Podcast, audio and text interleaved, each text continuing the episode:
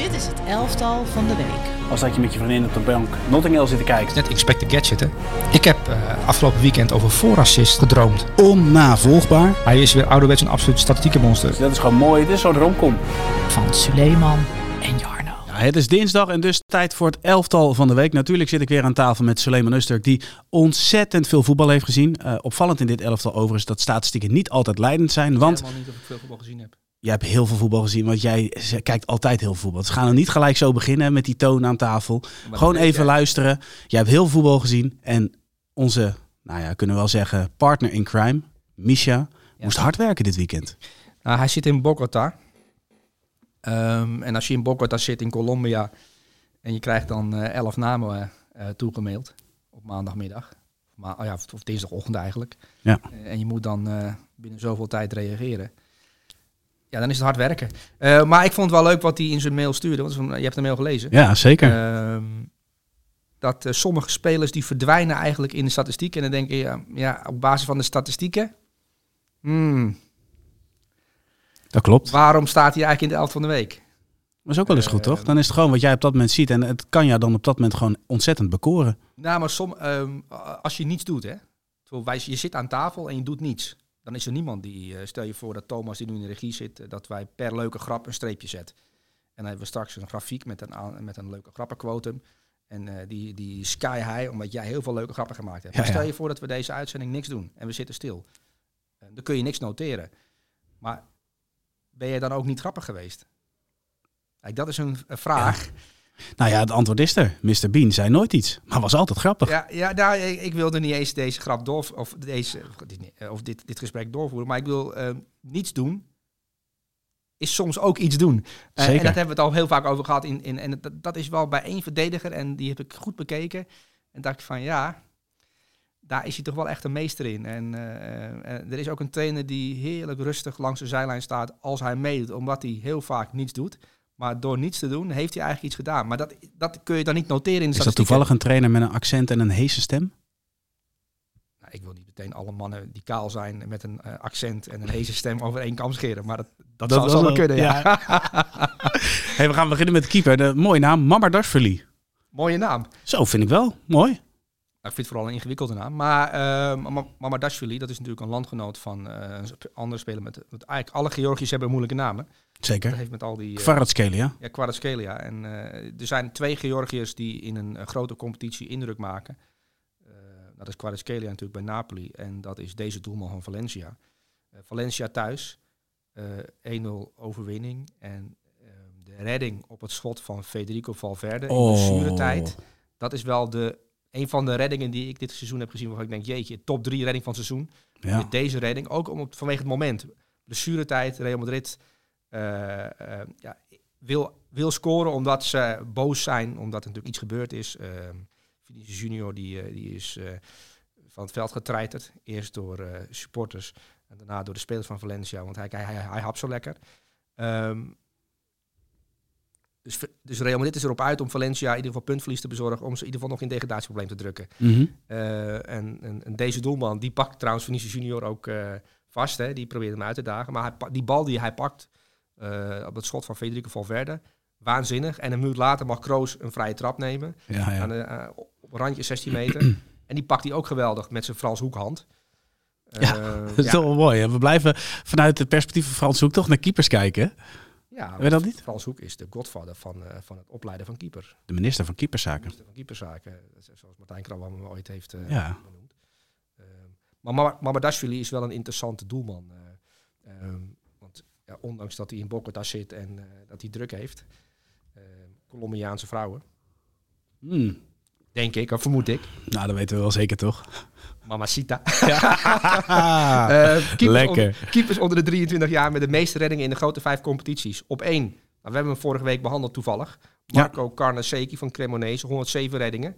Ehm, gaan we nog van horen, want die gaan transfer maken. Eh Georgi Mamadashvili van Valencia, 98 reddingen. En op, op drie, Lucas Chevalier van Lille. Dat zijn dus wel drie interessante keepers. En uh, Mamadashvili dus in dit eh, lijstje op twee. Maar vooral heel belangrijk in de degradatiestrijd van Valencia, samen met Justin Kluivert. Ja, overigens geen United keeper, want het is wel een, een keeper die heel snel Nee. de lange bal kiest. Meer een Donnarumma-type. Ja, zeker. Er was een redding. eh, zo, en volgens mij was het op die van Valverde. Je kent toch wel die, die filmpjes dat je... ehm, volgens mij heb je zo'n zo'n reclame met Messi. Dan heb je zo'n zo'n eh, pop. Zo'n keeperspop. Die dan alle kanten Ah, op ja, vliegt. ja. Weet je? Dus die, die de bal volgt. En heel snel is. Die eigenlijk niet kan passeren. Bij die redding moest ik aan die pop denken. Ja, ik heb eh, gistermiddag iemand naar een psycholoog gestuurd. Eh, Matthijs, vanwege rare gedachten tijdens voetbalwedstrijden. En deze past precies in dat rijtje. Ik eh, zou een dokter overwegen. Als je dit soort dingen denkt. Nou, waarvan acte. ja. Zullen we dan doorgaan naar de volgende? En dat is ja. Mag ik hem een cijfer geven nog? Oh ja, zeker. Mamardashvili een 9. Een 9. Verwacht je niet, hè? Een 9. Nee. Nee, dat is toch veranderd. Ehm Di Lorenzo. Ja. Heeft vaker in de elftal gestaan. Prachtige treffer, maar toch als je dan eh, de, de speler Di Lorenzo wil typeren, is eigenlijk het in positie komen, dus eigenlijk in de schotpositie komen, dat is misschien wel zijn grootste kwaliteit. Want dat vind ik echt waanzinnig hoe hij steeds op de juiste plek komt, op het juiste moment, timing, eh, het lokken. Dus als hij niet krijgt, dan krijgt iemand anders een bal. Dan kom je eigenlijk op de volgende verdediger iets doen, maar ook weer niets doen. Zeg ik dat goed? Ja, en kijk, ze spelen nu, speelden thuis tegen Inter. Het seizoen is eigenlijk al ja, klaar, want ze zijn Ja. kampioen geworden. En, er- en er is nog wat aan de hand bij Napoli. En daar gaan we de komende weken wat over horen natuurlijk. Omdat de trainer Luciano Spalletti is boos. Omdat de voorzitter, de Laurentiis, eh stilzwijgend zijn contract heeft verlengd zonder een salarisverhoging te geven. En denkt, ja, die Spalletti die heeft ons kampioen gemaakt, die houden we hier.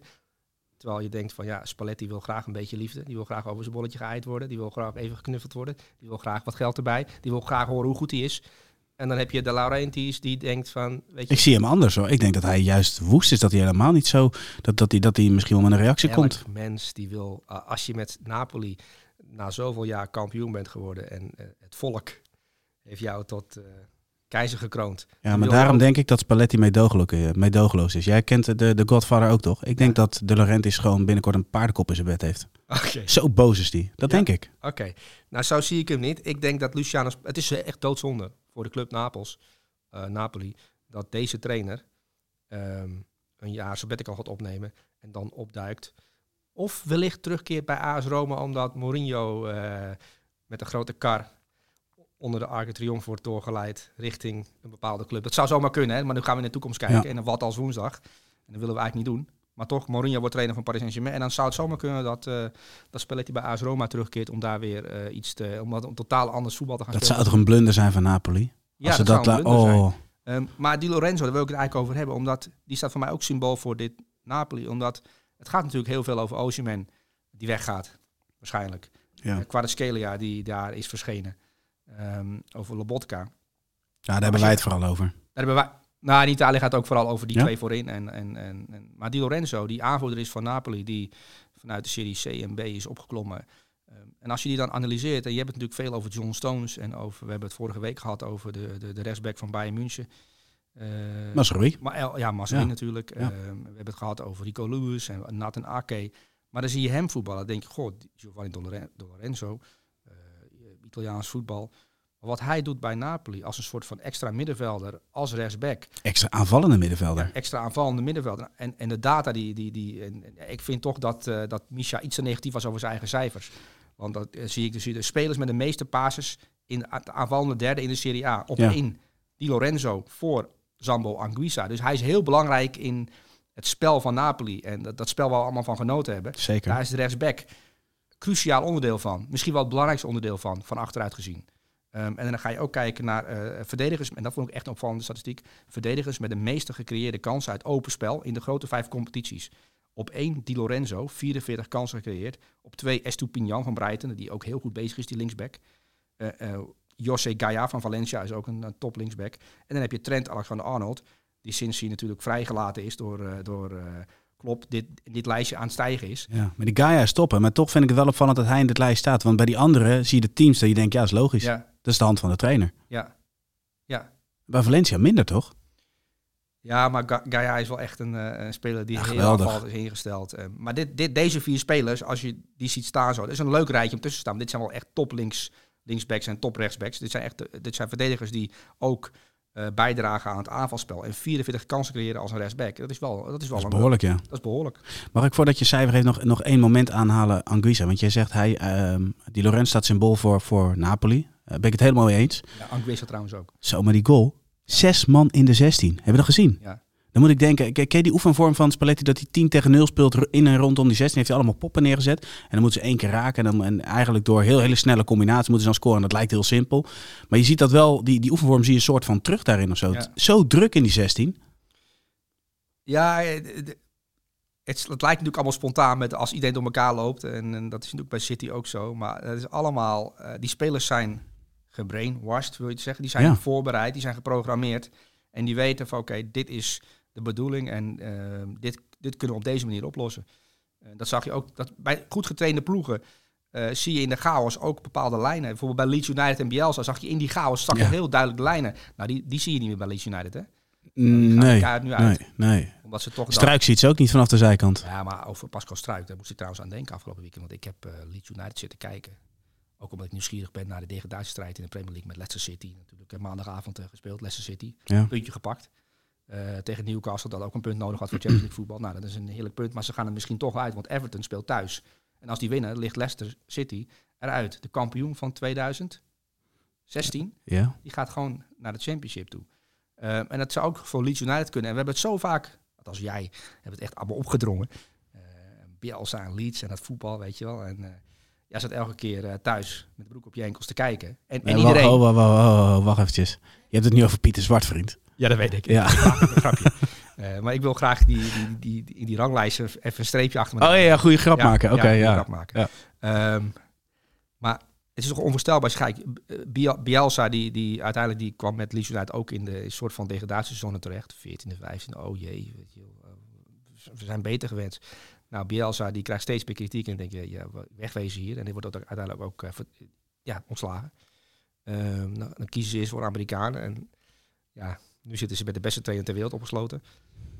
Ja, ja. Big Sam. Big Sam, dat is de beste trainer ter wereld. Ja, zeker. Die, die heeft een enorme voorsprong op Pep Guardiola en Jurgen Klopp. Ehm, Ja, Ja. qua trainingsuren, ja. Ja, maar dat heeft hij toch zelf uitgelegd. Ja, ja. En of dat nou is omdat hij een grote mond wil hebben en een Big Sam. eh, En aan, aan spelers wil laten voelen van ik heb het onder controle hier. Eh, maar ik moest dus aan Pas, Pascal Struik denken. Die onder Bielsa eh, als verdedigende middenvelder hebben we hem gezien. We hebben hem als linksback gezien aan het begin van het seizoen ook. Met dynamiek en, Ja. en, en een bepaalde intentie zat erin. En een bepaald spelidee zat erin. En ik zag een aantal interviews met de Leeds United spelers. En die, ja, die zitten dus met Big Sam opgesloten. Die is die kle- kleedkamer binnen, een soort dinosaurus. Die is gaan brullen. En die spelers hebben geen idee welke kansen op moeten lopen. En Pascal Struik mocht, eh, mocht eh, meedoen vorige week. En die, nu zat hij weer op de bank. En eh, dat weet je, dat, zo gaat het dan ja. in een degradatiestrijd. En ik vind het gewoon zielig voor die spelers. Eh, want die gaan eruit. Die krijgen die supporters over zich heen. Maar ja, Ja, ik blijf het bijzonder vinden. Er zat toch een idee achter gezeten hebben om toch nee. aan te stellen. Dit is een club in paniek. Een club die dacht dat ze iets groter waren. En Leeds, het is Leeds United al een keer eerder overkomen. Ze hebben natuurlijk een keer de halve finale van de Champions League eh, gehaald. Met, eh, ja, financieel hebben ze toen eh, er alles ingepompt. Half failliet geraakt, of helemaal failliet geraakt.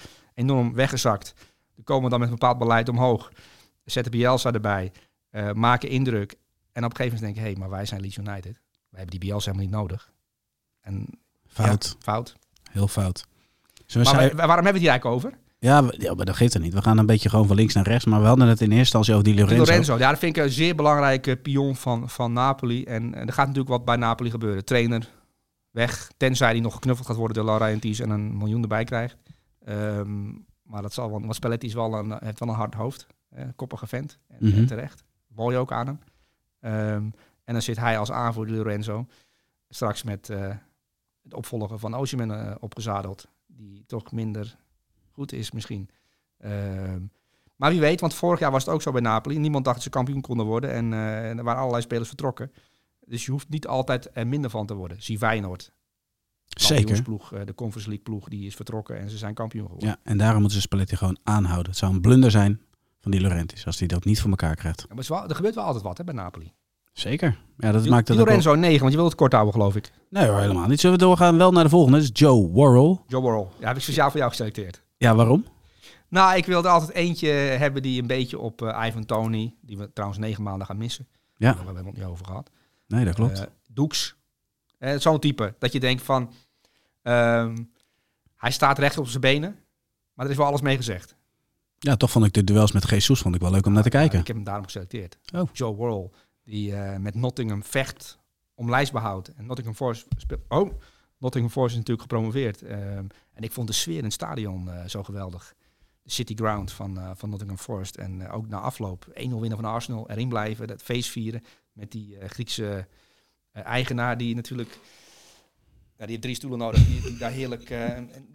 die zat de hele wedstrijd van alles te kussen. Die heeft allerlei dingen bij zich die die kust en zoent. En, en, en hij zit op een gegeven moment kruisjes te slaan.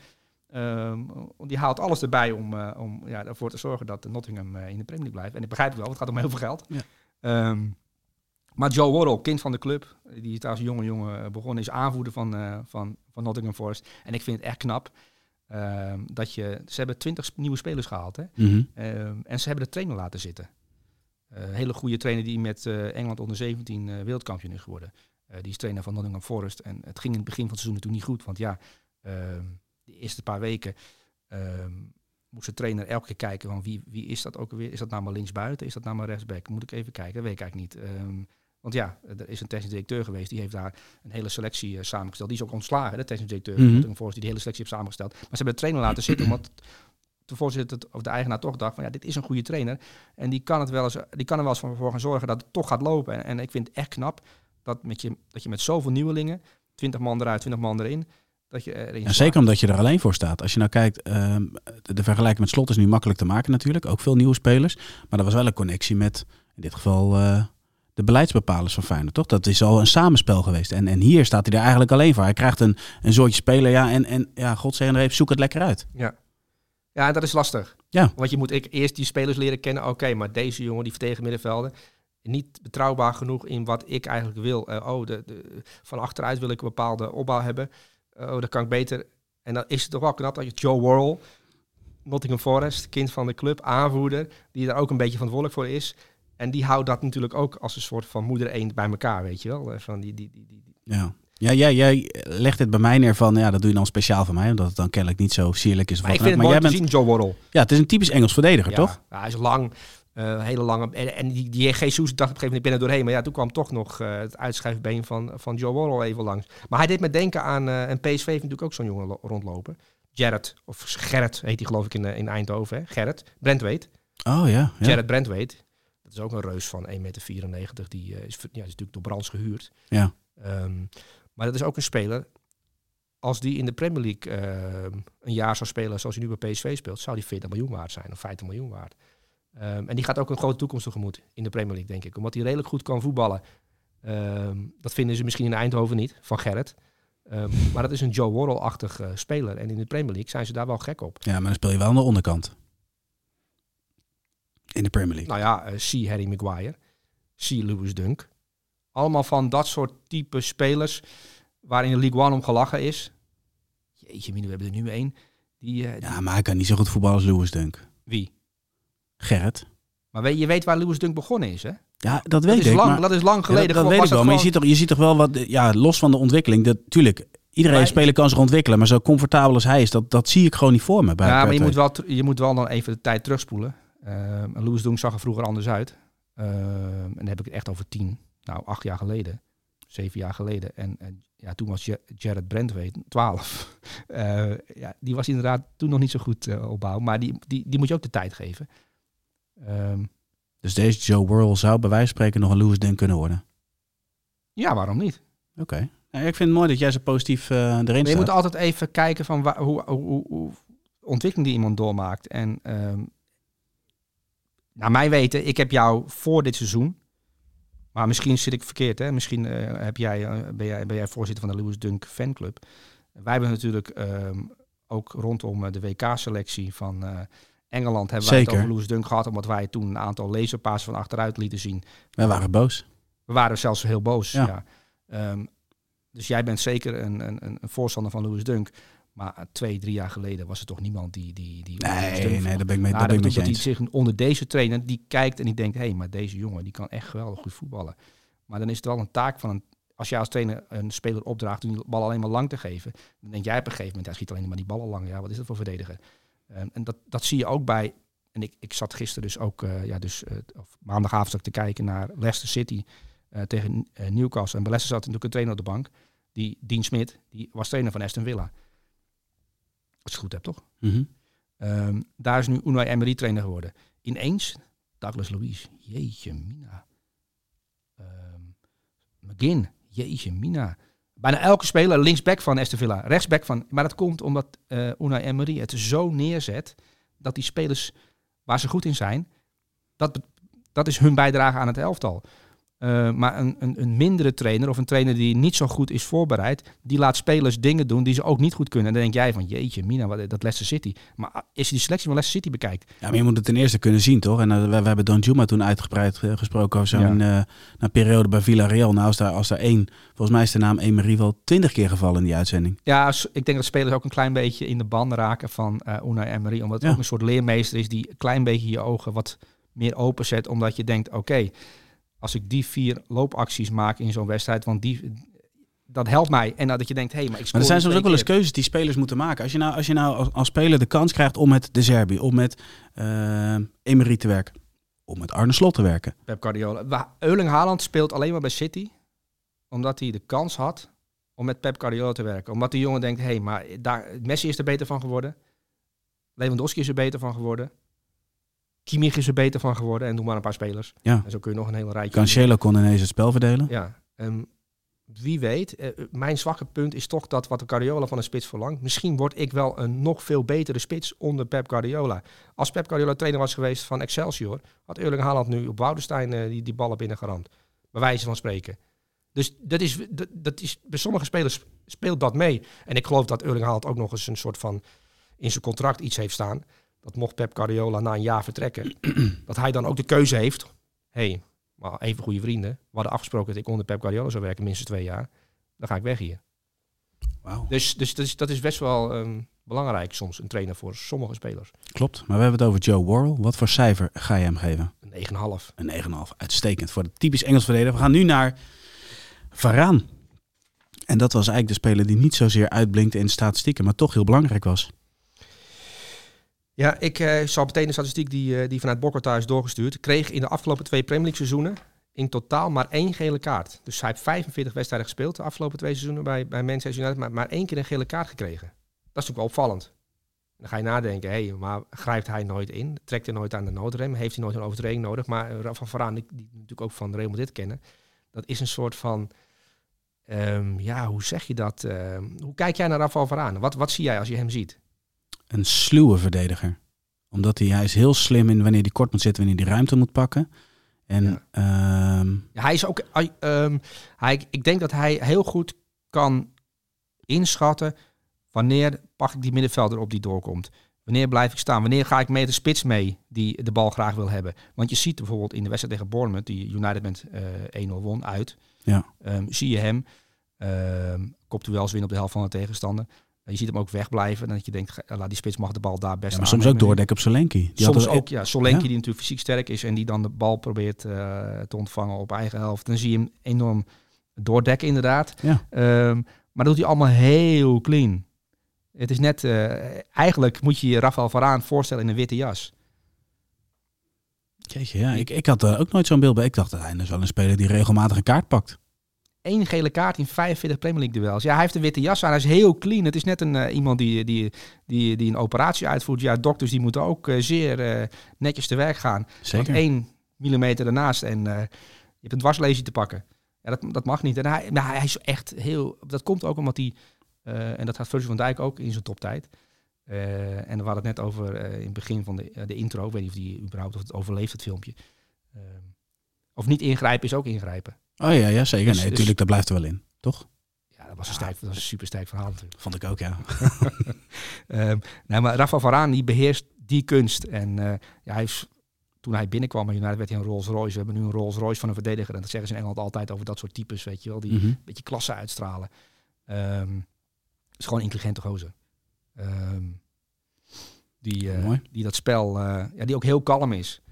Maar dat kan ook tegen hem werken, want je hebt natuurlijk ook, we hebben ook vaak kritiek gehad op Rafa Varane, omdat als Sergio Ramos dan ontbrak en hij moest de leiding pakken in zo'n defensie en Real Madrid deed het dan minder, dan kreeg Rafa Vara- Varane de schuld, want ja, hij heeft ehm, iemand naast zich nodig ehm, die de lijnen uitzet. Maar nu die ouder is geworden, draagt hij wel die defensie, eh, want hij speelt nu met Lindelöf samen, omdat Ja. Martinez natuurlijk eh, geblesseerd is. Die vind ik nog wel onrustig ogen. Ja, maar wel beter ook.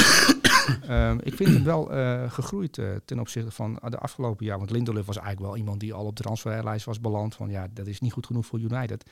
En Ten Hag heeft hem toch wel de afgelopen weken ook vaak gebruikt. Ook omdat het wel moet. eh, omdat er wat minder opties zijn. Ehm, en ja, die top 4 klassering, samen met ehm, de League Cup die is binnengehaald, plus de finale van de FA Cup die nog gespeeld gaat worden tegen City, wat het einde van het seizoen. Ehm, dat is toch, ja, dat kun je toch wel zeggen van, uh, Ten Hag heeft het ten opzichte van de verwachtingen aan het begin van het seizoen, eh, heeft hij een enorm goede basis neergelegd. Eh, Enorm, ja. In een korte tijd ook wel, hè? in een korte tijd. En, en daar is daar, ja, de, Varane die hoort daar natuurlijk bij. Martinez hoort daarbij. Ehm, en nu is het Casemiro natuurlijk. ja, Casemiro die natuurlijk een geweldige goal maakte. Ehm en Casemiro die nu trouwens. een appje heeft gestuurd naar Neymar. Hè? Ja, ik las dat bericht, maar ik kan me dat niet voorstellen, joh. Ja, Varane, was, Varane is degene geweest. Die heeft een appje gestuurd naar Casemiro. En zo, eh, Ja, maar zie jij die connectie? Neymar, Ten Hag, United? Ah, het is wel, eh, als hij gemotiveerd is en fit en het financieel is het allemaal mogelijk en dat wordt het lastige verhaal. En, en, en want ja, je kunt niet en Harry Kane en Neymar binnenhalen Nee, en Frimpong. nee met Frimpong erbij helemaal niet. Dat is niet te doen. Hoezo? Nou ja, dan ben je echt al het geld, ja, dan geef je zoveel geld uit. Op een gegeven moment stop. Op is op. Maar ehm, eh, jij, vindt Neymar en United en Ten geen goede mix. Nou, me- meer dan, dan, dan ga je, kijk, nou ja, nee, misschien zit ik fout. Terug naar PSG.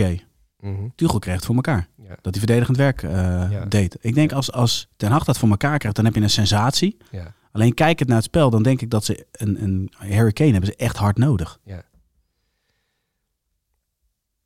In de spits. Wat denk jij? Ja, kijk, nee, eh, F- Vinicius Junior heeft natuurlijk ook dat imago. En Neymar is altijd, als hij goed is, Niet te stoppen. is hij niet te stoppen. Ehm, maar hij is natuurlijk beter dan Rafael Leao, Neymar. In topvorm Neymar, met zijn, zijn rendement is namelijk echt ongelooflijk. Ehm, hij is ingehaald op de linkerkant door Vinicius Junior. Eh, maar ik denk dat het spel de komende weken... Dit is natuurlijk begin, dit is een opening van het transferseizoen. Ook wat, is- wat is er mogelijk? En ja, Vinicius Junior is daar nu bijgekomen. Hè? Ehm, Nou ja, Die gaat op de markt komen. Want dit, nou, de uitspraken waren wel in die zin dat hij zegt dat Spanje gewoon, ja, gewoon het land, Spanje gewoon echt racistisch is. ja. Daarmee zeg je wel van ja, misschien moet ik de competitie wel vaarwel zeggen. Ja, en er zijn maar een paar clubs die Vinicius Junior dan, en, en daar is Paris Saint-Germain één van. En het kan zomaar kunnen dat, dat Vinicius Junior naar Paris Saint-Germain gaat en dat Neymar dan eh, moet ondergebracht worden. Ehm, en dit is dan een opening. Ehm, maar dat wordt wel interessant de komende maanden. Daar gaan we natuurlijk heel veel video's over maken. Daar gaan we zeker veel video's over maken. Eh, zullen we eerst Varane een cijfer geven? Een 9. Een 9. We gaan nu naar ehm Kakkeré. Ja, dat vind ik eh, een interessante speler.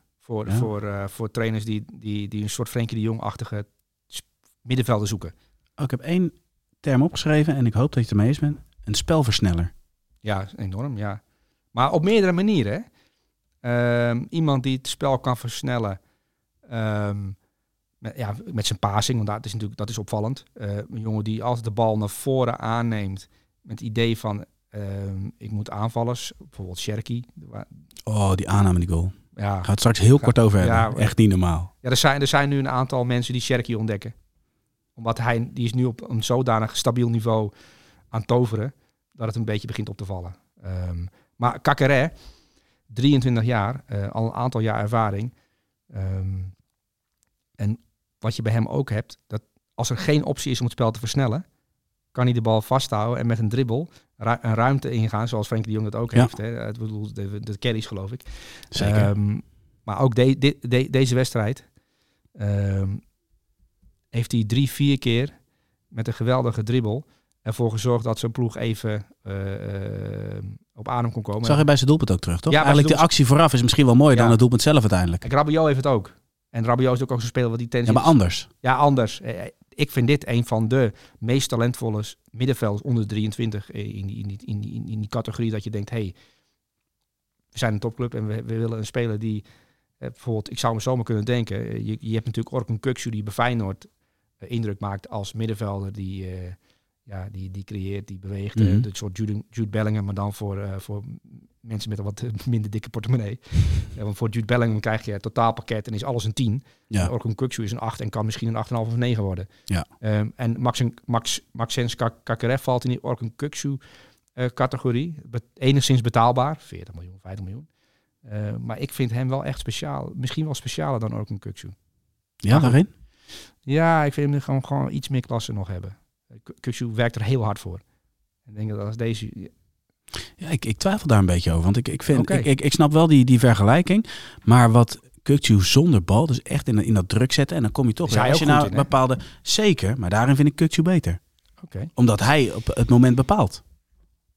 Ja, hij heeft, ja, ik snap wat je wil zeggen. Eh, maar het heeft denk ik Kukcu is wel meer leider. ja, maar het heeft ook te maken dat, dat Slot hem dat gemaakt heeft en dat hij hem daar be- belangrijk in gemaakt heeft. En, en ja, ik vind dit wel echt een interessante speler.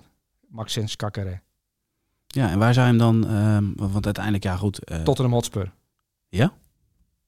Ik moest aan Napoli denken. Nou, Napels is, Napoli, Napoli is ook een club die, eh, ja, die dit soort spelers... Maar die gaan niet heel snel middenveld voor 50 miljoen halen. Die willen wel een spits halen voor 70 miljoen. Ehm, ik weet niet Hmm. of die heel snel een middenvelder halen voor eh 50 miljoen. Die hebben natuurlijk Fabio Ruiz ook gehad. Ehm, dus ja, dat, zie- dat zie ik niet zo 1, 2, 3 gebeuren. Maar ik kan ook me voorstellen dat Paris Saint-Germain denkt... Hey, eh goede middenvelder. Goed. Goed optreden tegen Monaco. 3-1 gewonnen. Ja. Cherky met een wereldgoal. Fantastische aanname. Maar Sherky, dat is wel... Oh. eh, eh, als die dan op snelheid op je afkomt, dan weet je ook niet wat er gebeurt. Want dat links-rechts hebben we het natuurlijk eerder over gehad. Want volgens mij, volgens mij in een van je eerste elftallen stond hij ja. van, van dit seizoen. Als hij op, op snelheid op je af, je weet gewoon niet welk, welke voet hij gaat gebruiken ook. Ja, ik, ik heb hem voor het eerst gezien toen hij 15 was, in het tweede elftal. Dat is best wel lang geleden al. Mhm. Toen dacht ik echt van, jeetje, dit is wel een speler. Die moet, als die zich eh, doorontwikkelt, vijf, zes jaar, dan weet volledig tweebenig al. En in dat elftal, met allemaal spelers die vijf jaar ouder waren in de onder eh, 21, in het B-team van, eh, van Lyon.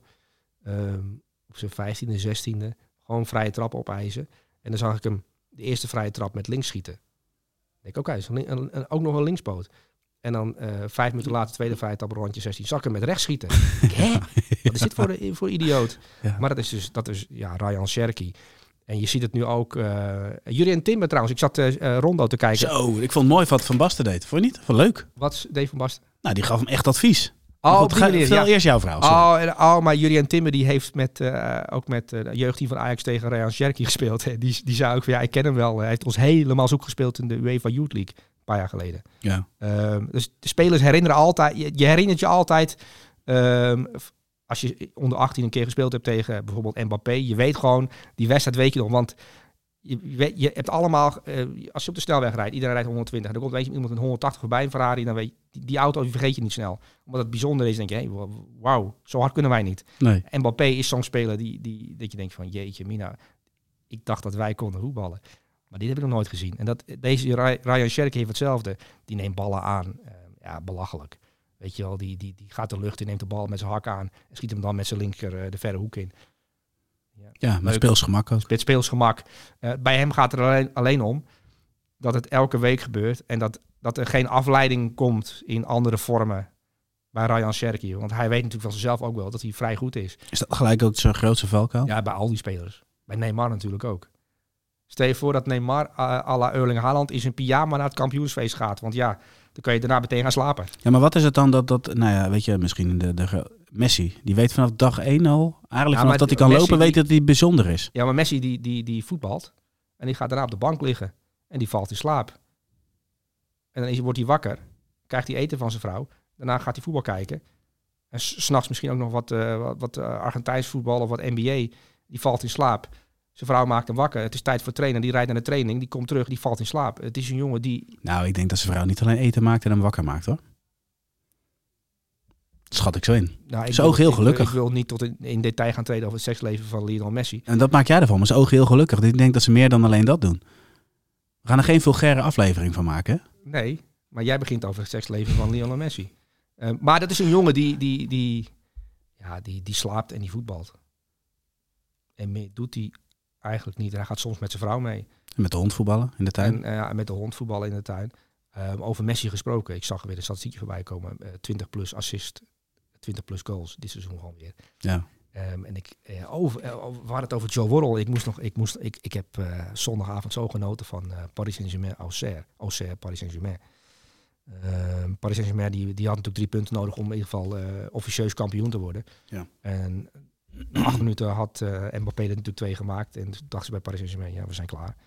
Ehm, en Lionel Messi die ging, ja, die ging, op een, die ging iets doen. Ik weet niet wat hij ging doen, maar die is toen 82 minuten lang een soort van gaan wandelen.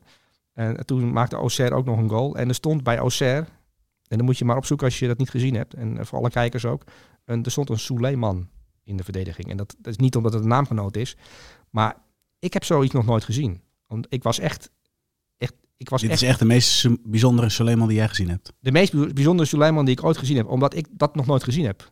Een, namelijk een voetballer van 2 meter 4. Ik heb wel eens een voetballer van 2 meter 1 gezien. En we hebben allemaal Jan Koller eh, natuurlijk meegemaakt Zeker. in de jaren 90. In duels met Jaap Stam. En eh Ajork, Ludovic Ajork is ook vrij lang. Ehm, en zo hebben we nog meer lange spits, eh, spitsen. Maar deze Suleiman, die ook nog eens best ook redelijk kon voetballen. 2 meter 4. Maar op een gegeven moment eh, stond hij in de buurt van Messi. En het lengteverschil, ja, dat was zo groot dat het net leek alsof er een soort reus eh, in het stadion stond. Dus allemaal even opzoeken. Auxerre. Ze hebben er twee Suleimannen. Oké. Eh, dat is ook wel weer... maar dit is de Suleiman Touré. En, en je had nog een andere Touré die... Waarvan ik de naam niet meer weet, was een back. Maar deze jongen stond centraal achterin. En die ging op een gegeven moment ook, omdat Auxerre een goal nodig had, in de slotfase als stormram mee naar voren. Maar eh, voor iemand van 2 meter 4, die eigenlijk in de NBA eh, thuis hoort, hè, bij de Denver Nuggets. Ja, ja, zeker. Zoals je weet, die hebben de, vannacht de finale gehaald. Met Absoluut. Jokic. Luister, ik ben ook een NBA-fan hoor. Ik ben ooit Ja? bij eh, de New York Knicks geweest met Studdemeyer. Echt fantastisch. Ja? Ja, zeker. Ook vond niks ben je in de, in de Dome geweest. Ja. Leuk. heel mooi. hè. Maar je had het over, er was een Suleiman. Maar er was op een gegeven moment ook in, in de, volgens mij de serie Undercover, was er niet alleen een Suleiman, maar was er ook een Suleiman Usturk. Ja. Ja, de makers die zijn natuurlijk eh, eh, fan van dit programma. Maar dat heb ik al een keer verteld, toch? En Ja. die, die, die ontleden dan namen aan hun Ik heb dan toch figuren. altijd, in, dat ik in de schaduw, ja, dat er ook, misschien wel bij de volgende, weet je wel, Een grote... al, is het, al is het een huisdier. Oh, nou, drugsbaron Jar- Jarno. Nou, dat zou goud zijn. Maar, al zou ik alleen maar, weet ik veel, dat, dat, dat, dat Ferry een, een nieuwe kat heeft en dat die Jarno heet. Dat zou ik ook wel leuk vinden, weet je wel. Ja. ik, ik, ben echt wel, ik stel me heel bescheiden op.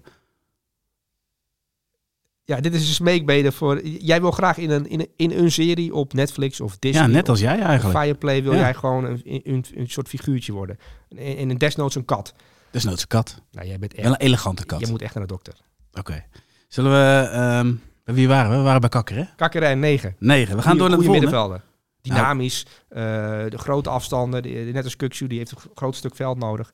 Dus het zou top zijn naast een, eh, een meer vastere uh, verdedigende middenvelder. Dus echt, echt Ja, over goeie- Over goede middenvelders gespro- gesproken. Pessina. ja. Oh.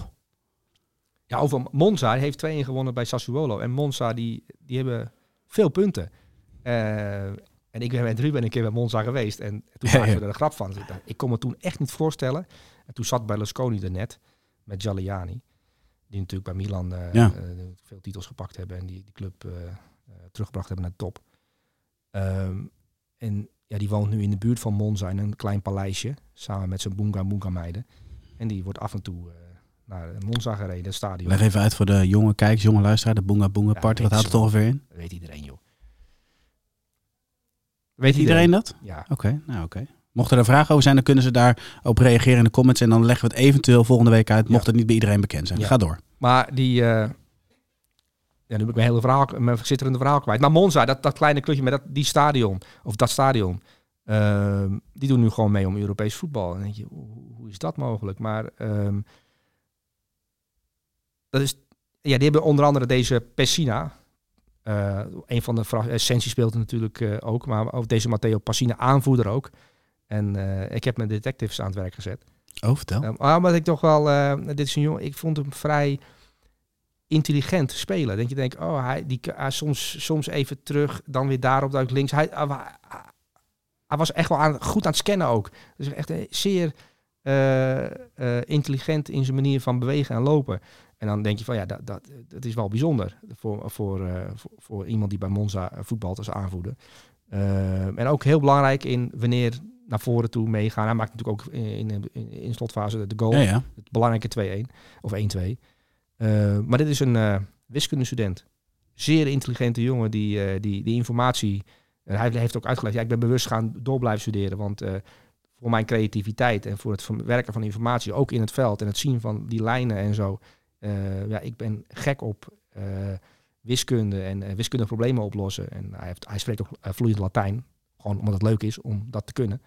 Maar het is toch wel bijzonder om te weten dat de aanvoerder van Monza vloeiend Latijn spreekt en wiskunde heeft gestudeerd. Nou ja, absoluut. Ik heb hier ook staan. Hè. Prima goal. Is, er, is zo. Hè. Maar vooral slim in positie kiezen. Ja. Wat jij nu omschrijft. Want dat is het wel steeds. Hij Maar zie je, wel zie je het verband tussen iemand die dus zeer intelligent is, ook eh, op school, eh, en die zichzelf uitdaagt. Oké, ik heb een paar uur over. Ik, ik spreek vloeiend Latijn, ik spreek vloeiend eh Zimbabwaans. Weet je wat, ik ga nu eens een keer Zweeds leren. Dat soort types. Als je als, Jij vindt dat leuk, hè?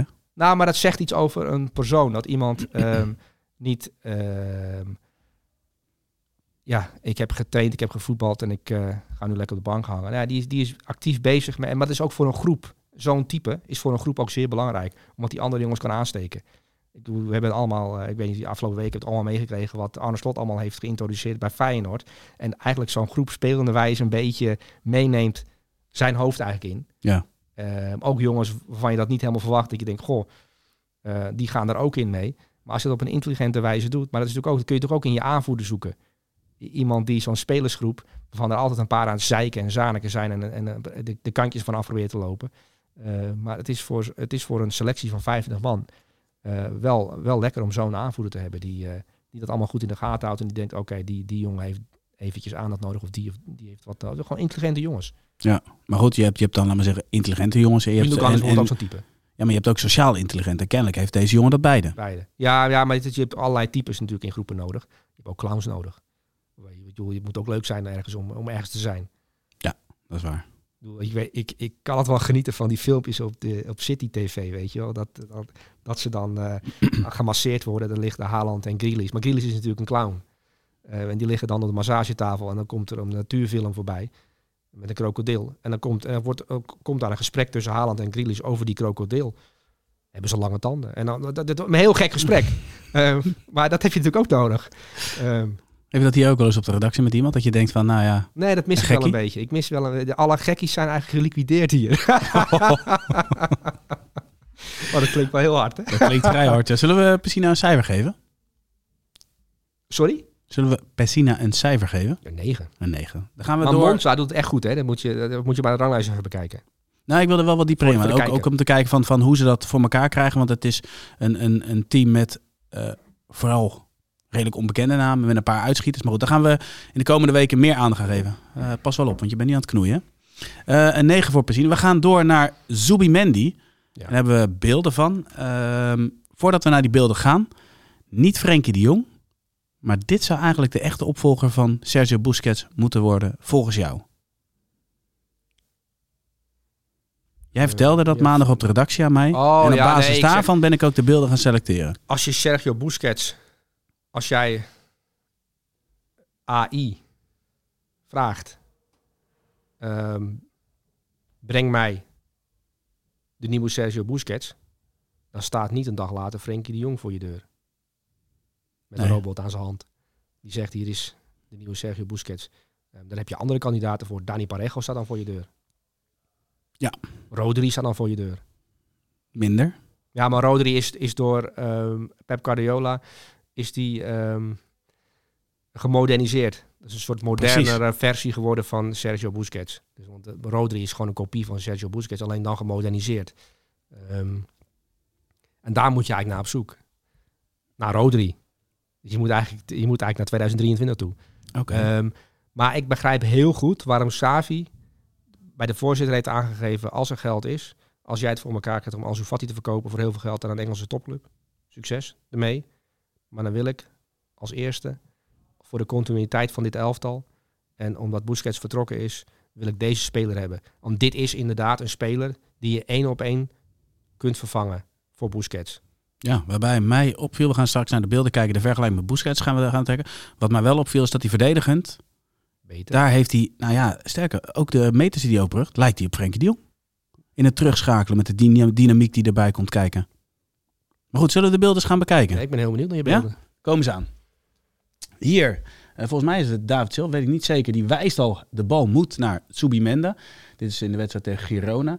Hier krijgt hij hem met veel eh, vrijheid. Dat moet je als tegenstander eigenlijk niet willen en moet je ook niet eh, toelaten. Maar hij loopt zo goed vrij dat hij er steeds in komt. Dit zijn alle opties die hij had. Tussenlinies kan hij aanspelen. Hij kan hem openen. Maar die bal die hier naar Surlot gaat, met buitenkant, echt waanzinnig. Hij mist hem helaas uh, hopeloos voor Sociedad. Maar die paas met buitenkant rechts, echt geweldig. Volgende moment, dan zie je dat uh, Gorezabel, die gaat hem zo meteen aanspelen. En dan krijg je eigenlijk wel de, de, ja, de typische Busquets paas. Je kunt hem eroverheen leggen, maar hier gaat hij tussendoor. De ruimtes zijn heel klein, het is heel compact bij de tegenstander. Komt er dus, zoals gezegd, uh, doorheen. En dit wordt uiteindelijk wel een doelpunt. En als je dan, uh, ja, hier zien we het inderdaad met uh, Alonso, die schiet raak tegen Mallorca. En hier ook weer, die bal wordt teruggelegd. In dit geval door Ira, Irayamendi. En dat vind ik wel, als je nou kijkt naar de, de type paas die hij kan geven. Hij heeft al die ballen, weet je, tussenlinies door, eroverheen, steekballen. En dat is natuurlijk Busquets ook. Dat is bijna als een biljartstoot. Is dat, uh, ja, te doen helaas miste Mendes hier. Maar je ziet de variatie in passing. Uh, dus zowel direct als in een assist, maar ook als in een voorassist. Daarin lijkt hij gewoon sprekend op Busquets. Ja, het is een regisseur-controleur.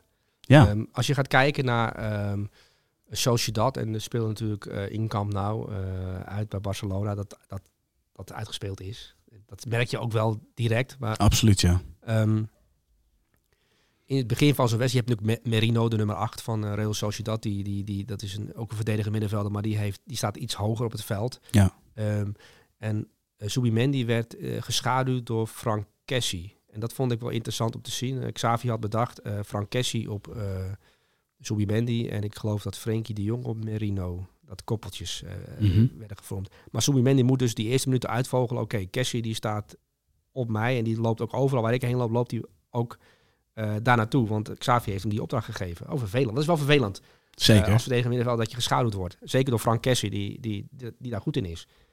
Um, en dat vind ik wel interessant. Dan ga ik zitten kijken, wat is dan de oplossing die hij bedenkt?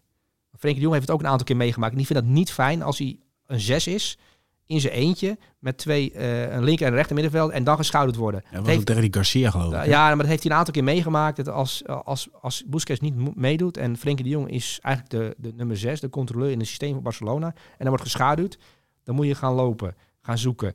En Frenkie de Jong is eigenlijk beter in een uh, rol dat er iemand ook nog erbij staat als verdediger middenveld, waardoor je, waardoor je iets meer vrijheid hebt om te ja. bewegen. En, maar Subimendi is dus wel goed erin, net als Busquets er ook heel goed in is, om dan toch net genoeg ruimte te vinden door minimaal te bewegen en met zijn voeten en zijn passing toch die oplossingen te zien. In de eerste 10, 15 minuten, daar won de Real Sociedad de wedstrijd eigenlijk.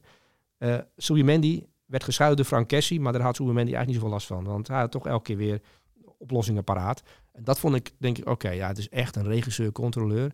Um, wat jij pikt die pases eruit en die zijn echt geweldig. En dat kan hij ook nog. Ja. Uh, dus als hij de tijd en de ruimte krijgt en Real Social is in de aanval en heeft, uh, de loopacties zijn goed, hij weet je wel te vinden.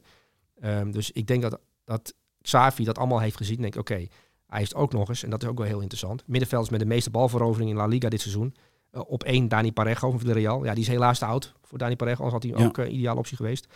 Um, op twee Subimendi en op drie Merino van Sociedad. Dus hij is ook nog eens goed in uh, zonder bal situaties lezen. Dus een zeer intelligente speler met en zonder bal. Uh, een controleur en een regisseur. En ook nog in staat om vanuit mandekking toch dominant te zijn in balbezit. En dat zijn spelers. Ja, Xavi is daar natuurlijk gek op. En die weet ook dat Ansu Fati eruit, qua geld, of een andere speler, en deze Zubimendi erin, word je beter van. Ja. En dit is een jongere versie van Busquets, maar ook een modernere versie van Busquets. En misschien ook wel een speler die zeer goed past bij Frenkie de Jong en bij P3 en bij Gavi. Ik denk um, het ook. Dus dit zou inderdaad wel echt een ideale vervanger zijn voor Sergio Busquets. Deze Martin Subimendi. En die weet het ook wel. Want voor hem was het natuurlijk ook een speciale wedstrijd dat je Busquets uitgeluid ziet worden. Een staande ovatie. En ze hadden ook contact met z'n tweeën. Ik heb geen idee wat ze dan uitwisselen. Succes. Was, wist de detective dat niet? Ja, ik heb mijn huiswerk proberen te doen. En, uh, maar ja, het is tegenwoordig zo. Hè, dus ja, dan, zelfs mijn uh, handlip uh, of mondliplezers die konden, die konden er niks van, van maken. Zonder dat wil nog op één ding terugkomen. De mandekking met Cassier. Wat ik interessant vond in het eerste kwartier is dat hij een paar keer heel ver aan de zijkant stond. Om eigenlijk Ja. een beetje te spelen met hem. Waardoor ruimtes ontstonden. Wat dat betreft is hij ook wel weer slim om, Ja. want jij zegt soms wel iets doen. Niet om zelf aan de bal te komen, maar juist om anderen. Dat leest hij ook. Ja, dat is ook, eh, ja, ook dat.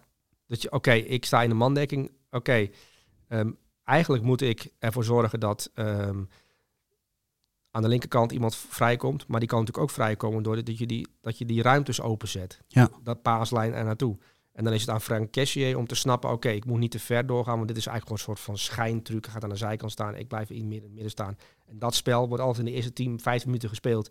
En dat langzaamaan, eh je hebt ook spelers waarvan je weet, en dat weten spelers ook, die zijn in staat om 10, 15 minuten lang die opdrachten uit te voeren. En daarna eh, concentratieverlies, maar ook geen zin eigenlijk meer in hebben. Er gek van worden. Ehm, en die laten dan vaak lopen. En dat kun je natuurlijk allemaal, ja, die spelers kennen elkaar allemaal heel goed. Ehm, heb ik bijvoorbeeld bij Paris Saint-Germain, weet je, de eerste 10 minuten. ehm Mbappé, Messi, Neymar, als ze met z'n drieën spelen, doen ze nog een beetje aan schijn verdedigen.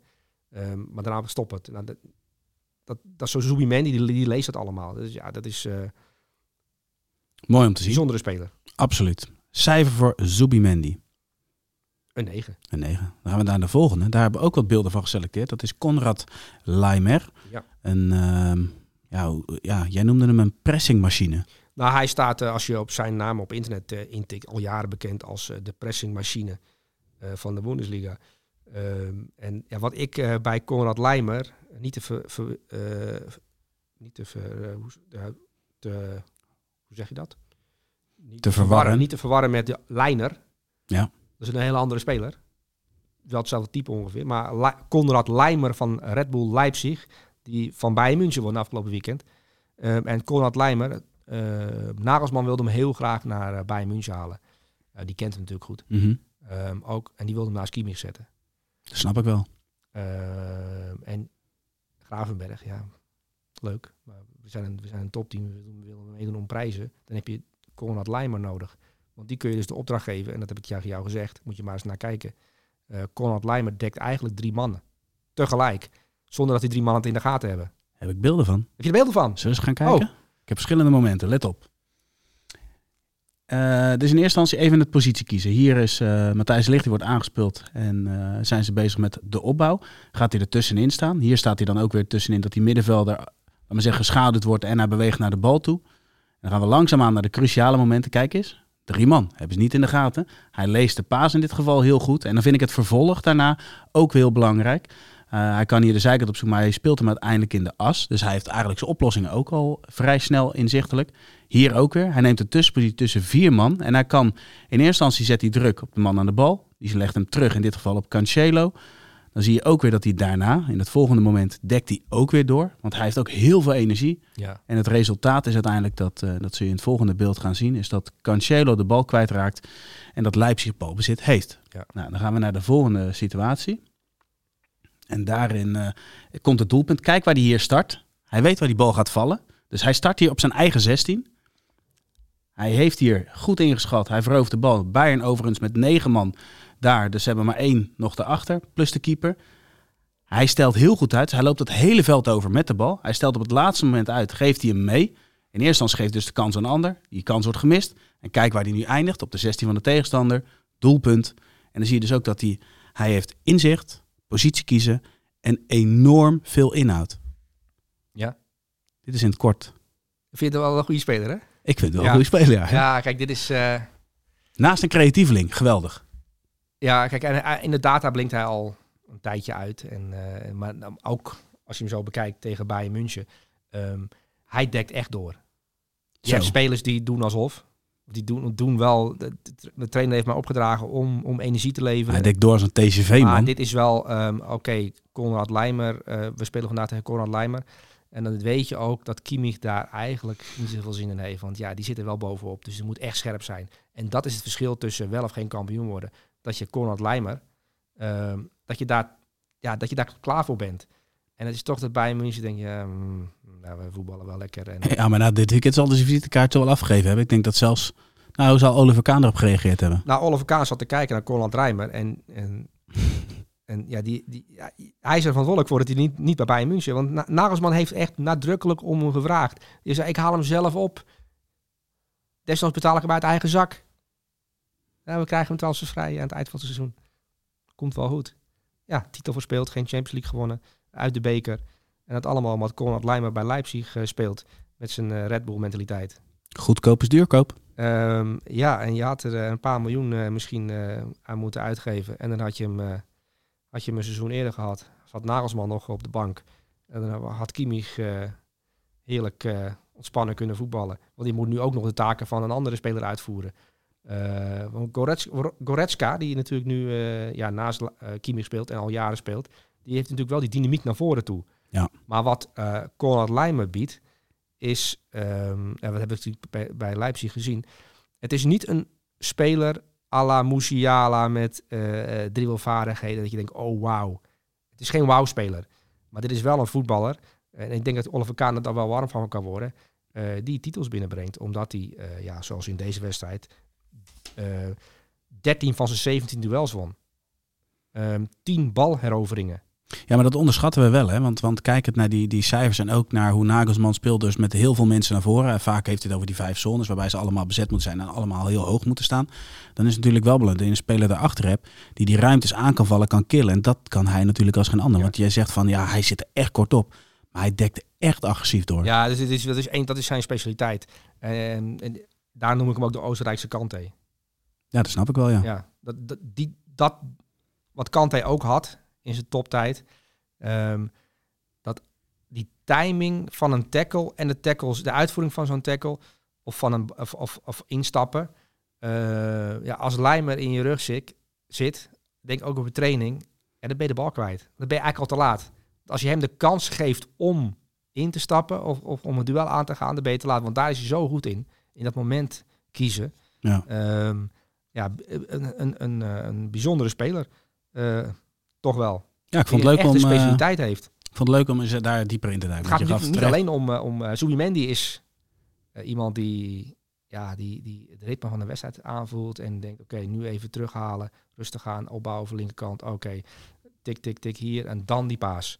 Ja, dat klopt. Maar je denkt altijd in koppeltjes. Want Subimendi zou ook baat hebben bij een Lijmer naast zich. Absoluut. Iedereen zou baat hebben bij een lijmer. Ja, maar twee Lijmers wordt op een gegeven moment wel gek, hoor. Met twee lijmers dan word je geen kampioen. Nee. Want dan komt de bal nooit bij de spits terecht. Precies dat. Precies dat. Cijfer voor Konrad Lijmer. Een 9. Een 9. We gaan door naar de volgende. Dat is de aanvaller Lazaro.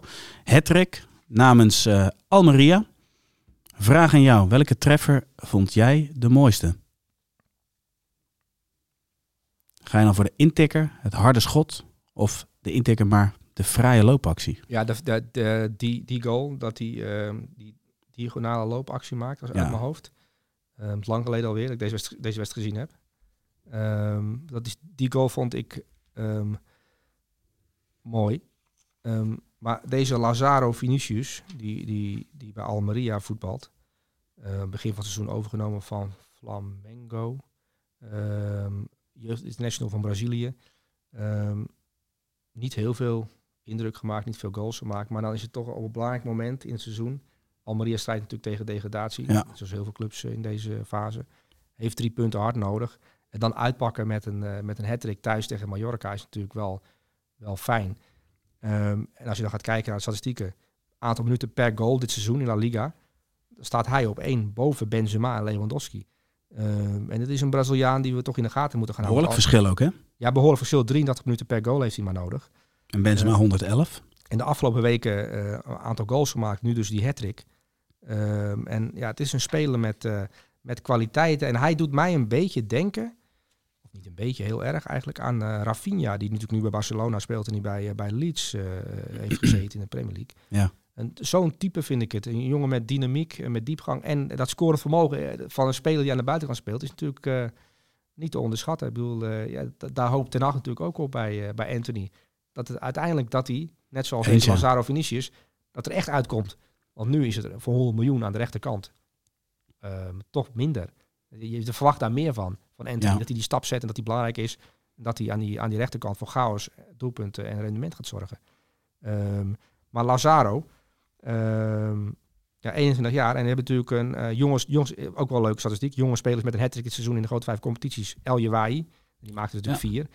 Jonge speler die, eh, die ja, in de belangstelling staat. Volarin Balogun, 21 jaar, die natuurlijk bij Stad Rijms erg opvalt. Ja, ja, de, huurt, hè, de huurling van Arsenal, die, die nu in belangstelling staat van AC Milan bijvoorbeeld. Die maakt indruk. En deze Lazaro, die in zijn eerste jaar in Europa toch eh, ja, bij Almeria de laatste weken eh, er doorheen begint te komen. Is spelen om in de gaten houden. Lazaro Vinicius, Interessante speler 21 inderdaad. jaar, ja. Heel mooi rijtje. Wat voor cijfer krijgt hij voor zijn optreden? Ja, 9. 9? Ja. Verrassend. Ja. Je houdt er geen rekening mee met een 9, maar ja, toch. Ja, ja, we moeten ze toch verdienen. Zullen we dan eh, van een jonge speler naar een, eh, een oude speler gaan? Olivier Ja. Giroud. Hij, hij is 36, daar kwam ik eh, afgelopen weekend achter. Ah, heb je die derde goal gezien? Ik moest, ik moest denken aan een, een hele foute worstelscène. Een hele foute worstelscène. Met een kale jonge Nederlandse man, in, of ook wel op leeftijd zijnde verdediger. Zeker. Bram Nuitink. Ja, maar die verloor hem wel. Ja, Bram Nuitink die wilde... Hij werd op zijn rug gelegd, die moest aftikken. Ja, dat was een soort judo-gevecht. Ja. Eh, Wazari, hè, was het? Ja. Wazari. Eh ja, Nuitink verloor daar in het 5 meter gebied een duel van Olivier Giroud en die legde hem daarna erin. Maar Giroud is toch wel, eh, ehm, als je die, zijn, het verhaal van zijn carrière gaat bekijken, toch elke keer over, overal waar hij binnenkwam. Ja, Giroud, eh, leuk die reservespits. En achter, de- uiteindelijk bij Milan reserve achter, achter Slatan. Maar op 36-jarige leeftijd, nou is Slatan vier jaar ouder, of vijf jaar ouder zelfs. ehm, toch, toch knap hoe hij zich elke keer nuttig maakt. Het is zo'n ongelooflijk nuttige spits, 36 jaar, eh, in de 16 meter met zijn hoofd gevaarlijk. Ehm, en Bram Nuitink, die, eh die volgens hoe in de Eredivisie te bewonderen is, ehm, die had het wel lastig met Olivier Giroud. Want het is toch wel, en ook nog steeds, een, in Frans International, het is gewoon echt een ongelooflijk goede spits. Absoluut, absoluut.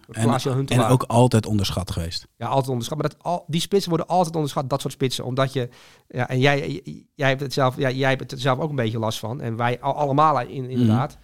Omdat je toch gaat kijken naar eh, dribbelvaardigheden. Eh, je gaat kijken naar hoe iemand een bal aanneemt. En ja, Olivier Giroud neemt het liefst geen ballen aan. Hij schiet het liefst erin. En gewoon een hele directe speler. Direct, ja, zeer Ja. direct. Van, ja, want iets wat je niet kunt, moet je ook niet laten zien. Heel, als jij geen bal kunt aannemen, moet je ook niet laten zien dat je een bal niet kunt aannemen. Dan moet je dat vooral niet doen. Dus dan moet je verdoezelen. Maar voor hem ook wel vervelend. Want in die periode bij Frankrijk natuurlijk ging het altijd over Benzema. Terwijl die gewoon in principe altijd geleverd heeft daar. Ja, eh, eh, Bijna altijd. Record, eh, record gevestigd hoogte natuurlijk als eh doelpunt te maken in, in, in een Frans shirt. Hij is wereldkampioen geworden. Alleen ja, het ging het hele WK over het feit dat hij niet scoorde. Ehm, ja, maar toen hadden ze een jonge Mbappé die eromheen bewoog. Eh, en, en natuurlijk het eh, vorige WK. Eh, in principe ook waarin hij eh, van Deschamps de opdracht krijgt. Weet je, schaduw jij die verdediging middenveld voor de tegenstander, tegenstander maar. En dan kan Griezmann ook op een bepaalde manier druk zetten. Ja. ja zeer belangrijk als teamspeler. Eh, ja, gewoon Een ideale speler voor een trainer ook. de speler die Ten Hag graag had gezien in Wout Weghorst. Die dacht van als Olivier Giroud het kan, dan zou Wout Weghorst het ook kunnen. Maar er zit wel een, nog een kwaliteitsverschil tussen Wout Weghorst en Olivier Giroud.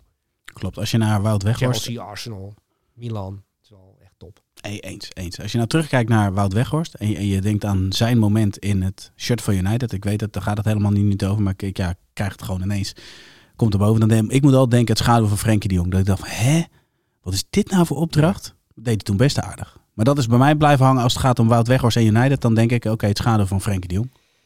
Er komt nog een finale aan en daarin kan hij als invaller, zoals hij bijna Argentinië uitschakelde, dan kan ze een moment nog pakken. En dat moment, daar leeft Wout Weghorst voor. Dus dat zou zomaar kunnen dat er nog een vrije trap komt in eh blessuretijd eh, of in de verlenging tegen Zal hij dan het shirtje van Alvarez vragen? of Niet? Van het Alvarez? stukje van Alvarez. Wie weet. Toch? Ehm, maar ik sluit niks uit, hè, want voetbal, dat heeft, er gebeuren soms gekke dingen. Bedoel, Sheffield Wednesday heeft het allemaal meegekregen vorige week. 4-0 achter. Toch, toch doorgekomen in die, in die play-off. Ja, ja. Sheffield Wednesday. Mooi toch? Ja. Ehm, cijfer voor Giroud en dan gaan we naar de laatste aanvaller.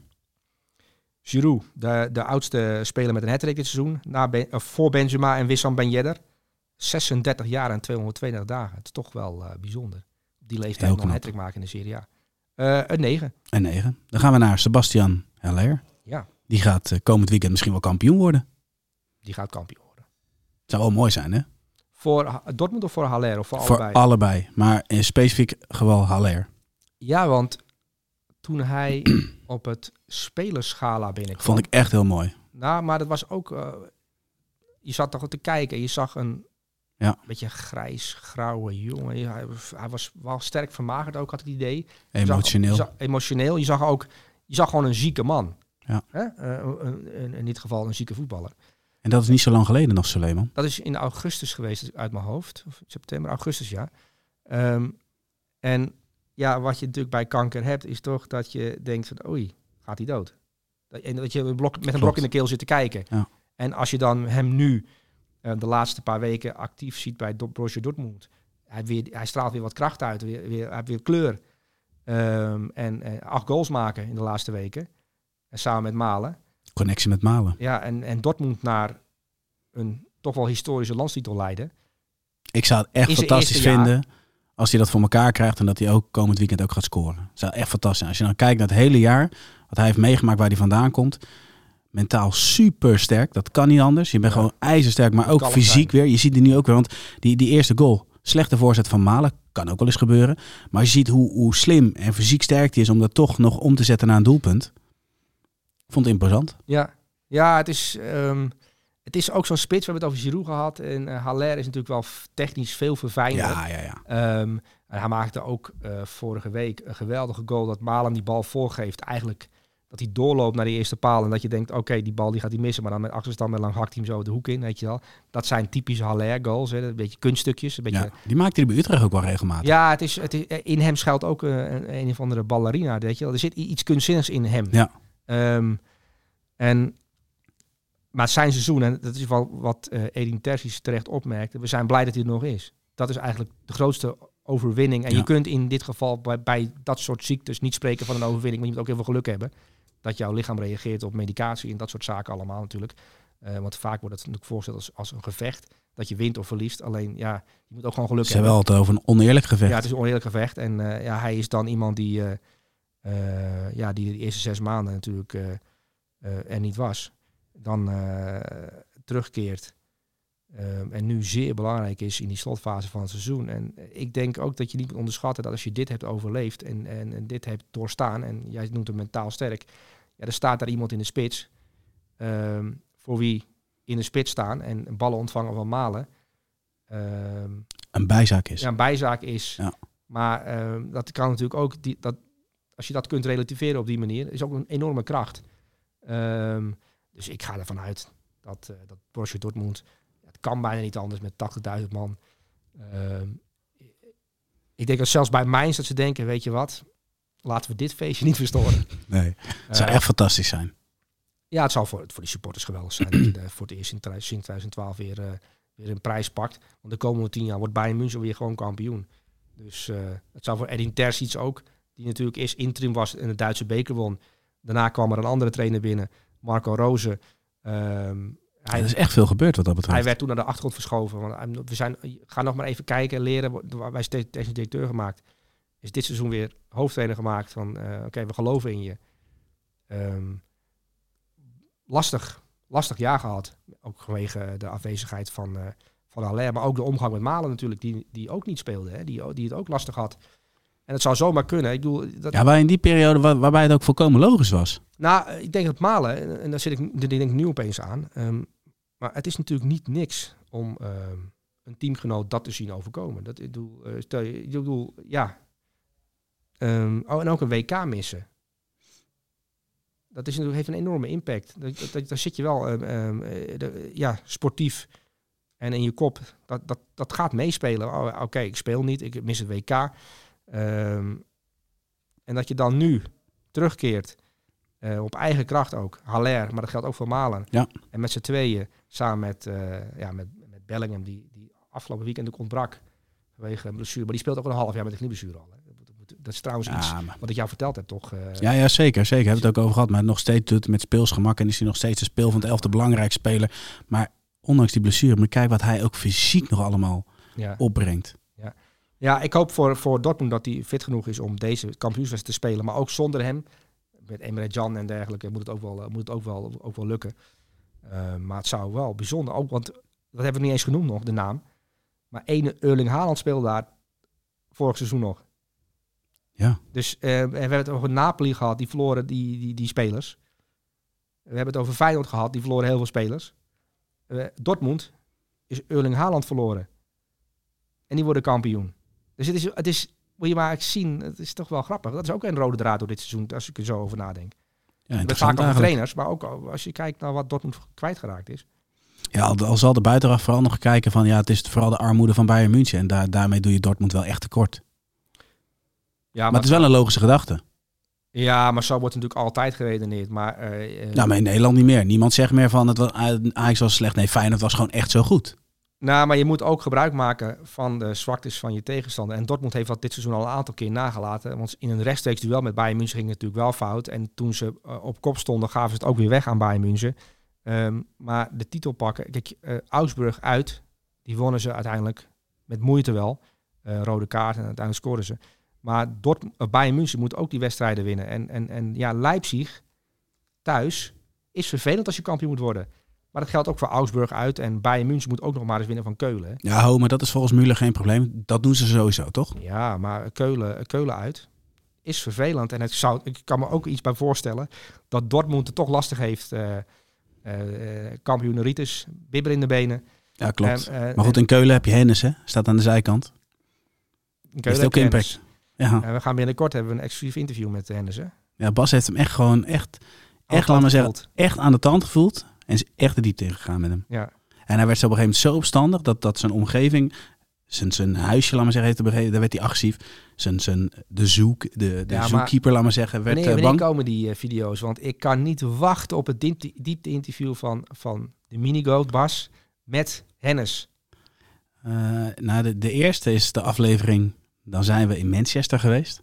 Oké. Daar schijnt iemand als Erik Cantona zijn bed uitgesprongen te zijn. Daar kijk ik enorm naar uit. Dat gaan we medio juni gaan we dat zien. Medio juni. Jazeker. Dat is belangrijk, want dan... eh, Dat is het première van de grote film. eh, dat is het eigenlijk, ja. Ja, want die, de aflevering van Manchester, dat, is, dat gaat bioscoop, eh, dat is gewoon op bioscoopdoek, hè? Eerlijk is eerlijk, Matthijs heeft er een pareltje van gemaakt. En dat kan Matthijs. Ja, daar was wel echt geweldige acteur aan, bij aanwezig, moet ik zeggen. Ja? Met eigen ogen kunnen zien. Je had gisteren in het rondje trouwens over een andere acteur, Erik Cantona. In de film Akka. Oké, die, ga ik nog, eh, die ga ik nog kijken. Als je nou- een, eh, die, die, als, Ja? als topacteur. Ja, ja, ja, ja. Als je nou echt over... Weet je wat echt een slechte film is? En daar speelt Nee. ook een voormalig voetballer. De, de Mean Machine met... eh, ja. oh, Met die- Vinnie Jones, dat ze in de gevangenis. Die film is zo slecht... Dat hij goed wordt. Ja, dat je hem toch gaat waarderen. Ja. Ja. Sebastian Haller, een 10. Tien. Sorry, mag ik jou Oh, wederom... dat was het alweer. Ja, we zijn er. Oh, Ja, de tijd vliegt voorbij. Maar morgen ben je weer te zien, hè? is dat zo? In Wat is Woensdag. En wat gaan we bespreken?